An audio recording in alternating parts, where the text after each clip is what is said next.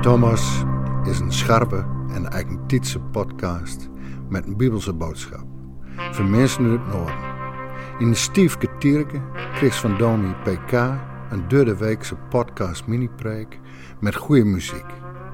Thomas wil behulpzaam worden bij het leren kennen en het navolgen van de man van Nazareth. In een tijd dat door Horst droods moest.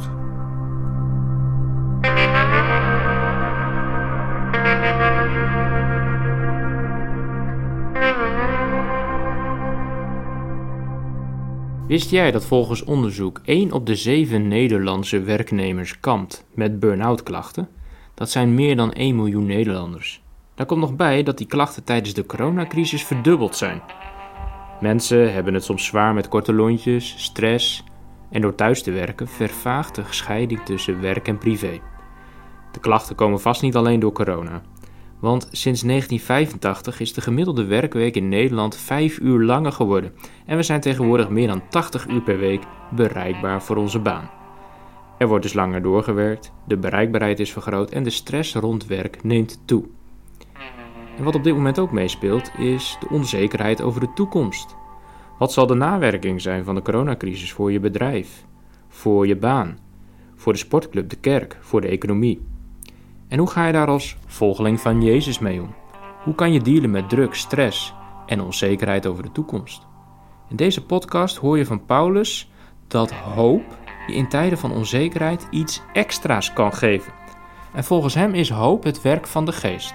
Maar let goed op. Die hoop die je krijgt is er om er te zijn voor God, je naaste en de schepping. Thema bij deze podcast over Romeinen 15 vers 13 is hoop doet leven.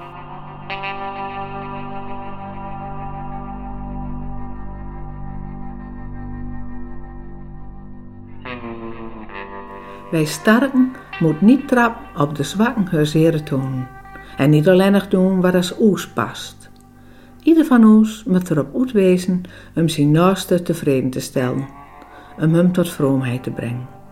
Ook Christus heeft geen rekenschap gehouden met zichzelf. Maar dan wat als schreven stiet. De woorden van smaad, van wel als je smaden, die ben deelkom op mij. Alles wat eertijdig geschreven is, dat is ja schreven voor onze lering, zodat wij hopen blijven zullen, de standvastigheid, in de schriften die ons troost geeft. Laat zodoende de God van de standvastigheid en de troost je allemaal hetzelfde inzicht geven, naar Jezus Christus zijn voorbeeld. Zodat hij als één man en uit één mond de God en Vader van onze Heer Jezus Christus ere geven mocht. Daarom neem kan er gelijk men is. Zo heeft Christus ons ook je aan hem, om God ere te geven. Ik wil dit zeggen. Christus heeft zich omwille van God zijn trouw in dienst stelt van wel als besneden waren.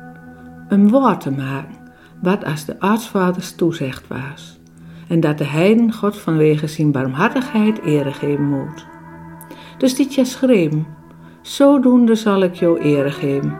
Maak de heiden, jouw naam met een lofzang op de snaren prijzen. En worden ze aanstiet weer, heiden, wees blide, te hoop met zijn volk. En weer worden ze aans, alle heiden geef ere aan de Heer. Alle volk geef hem eer. Wie er zegt Jezaja, Isa is zijn wortel, die zal zichtbaar worden hij wel eens opsteed om over de heiden te regeren. Op hem zult de heiden haar hoop hebben. Mogen dan de God van je hoop je door je geloof vollopen laten, met alle blijdschap en vrede, om je meer als genoeg hoop te geven, door de kracht van de Heilige Geest.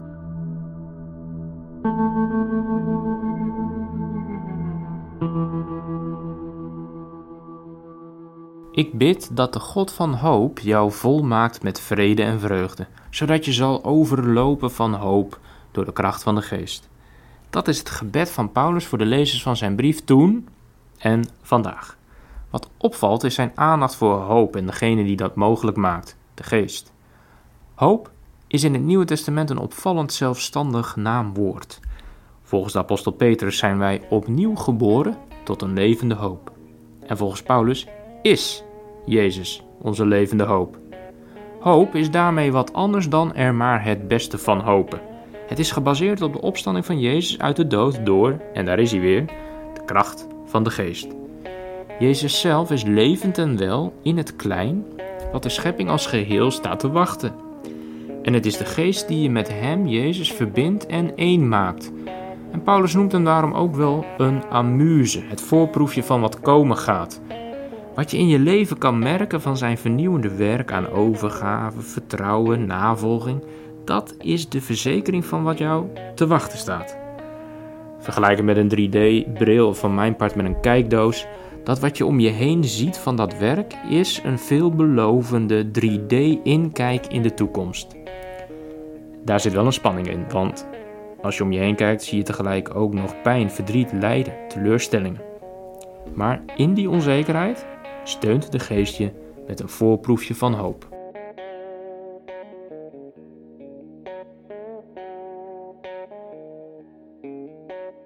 Bedenk je bij dit gedeelte over hoop wel even dat Paulus met deze brief uit zijn comfortzone komt. Normaal gaat hij namelijk in een stad naar de synagoge om zijn Joodse broers en zussen van Jezus te vertellen en soms werkt dat, maar meestal is daar het gat van de deur wanneer hij hem ter sprake brengt. En in dat geval gaat Paulus het gesprek aan met de niet-Joden in de stad. En vaak ontstaat er dan een gemeente van volgers van Jezus met Joden en of niet-Joden. Maar nu schrijft hij aan groepjes verspreid over Rome die hij en grotendeels niet kent, niet zelf heeft opgestart en die ook niet vanuit de synagoge zijn ontstaan. En Paulus schrijft deze brief om de band met het verleden dan wel te blijven waarborgen en om die groepjes ook met elkaar te verbinden, want al die aparte clubjes verspreid over de stad, dat vindt hij maar helemaal niets. Niet omdat hij een megakerk uit de grond wil stampen, maar omdat er een sterke eenheid nodig is om andere mensen te kunnen bereiken. Met als doel dat het gaat opvallen. Bij die christenen, daar zie je heel goed dat hoop doet leven.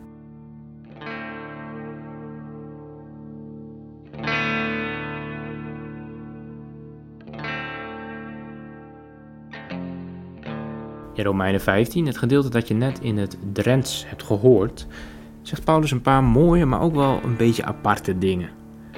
Hier vlak voor heeft hij vooral ingezet op de eenheid binnen de gemeente. Sterke gelovigen moeten zich aanpassen aan wat hij dan noemt zwakke gelovigen.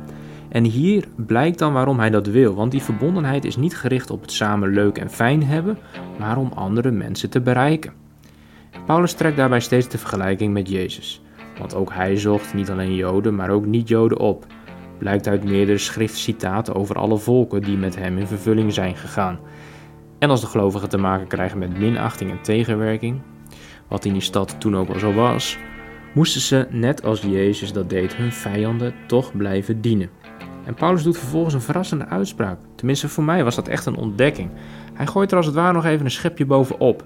Hij zegt namelijk dat je als christen, door de hoop die je hebt gekregen van de geest, altijd wat extra's over hebt. Iets wat niet-gelovigen, andersdenkenden blijkbaar niet hebben.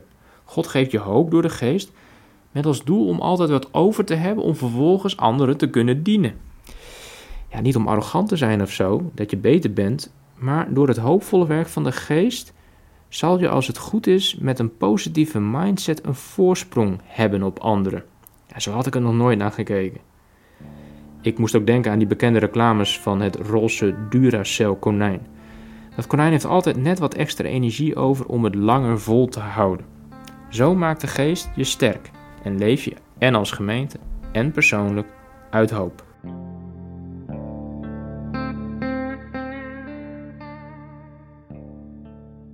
Maar wat merk je nou van die hoop?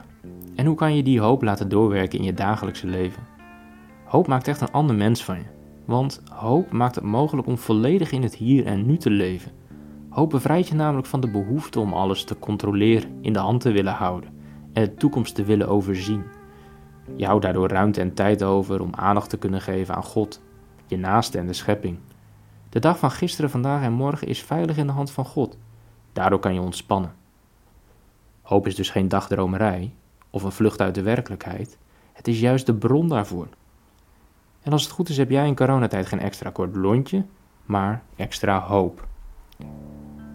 Hoop is echt een niet te onderschatte kracht. Het staat in de Bijbel niet voor niets op één lijn met geloof en liefde. Voor wie twijfelt of het geloof iets voor hem of haar is, of wie zegt ik zou wel willen geloven, maar het lukt me gewoon niet. Voor hem of haar heb ik het volgende advies. Begin eens bij de hoop. Draai het eens om. Ga van hoop en liefde naar geloof. Want hoop, dat hebben gelovigen en niet-gelovigen toch gemeen. Begin bij de hoop.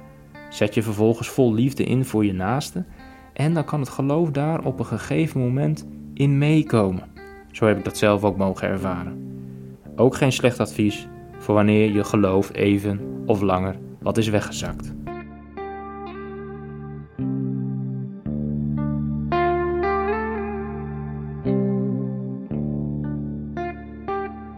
Maar zijn christenen, zijn jij en ik nou eigenlijk wel opvallend hoopvol? Ik vond de extra die de hoop door de geest zou moeten geven best confronterend om te ontdekken. Ik vroeg me serieus af: heb ik dat extra? Heb ik die hoop eigenlijk wel? Valt dat op? Dat ik juist in deze tijd door mijn geloof iets extra's over heb om er voor anderen te kunnen zijn? En daarnaast ken ik ook gelovige mensen die te maken hebben met moeite en verdriet. Die hebben hun hoop hard nodig voor zichzelf. En tegelijk zie je bij die mensen dan soms ook dat hoop werkt als een springveer. Onder druk neemt de kracht juist toe. Maar doen jij en ik dan misschien iets verkeerds, wanneer de hoop niet opvalt?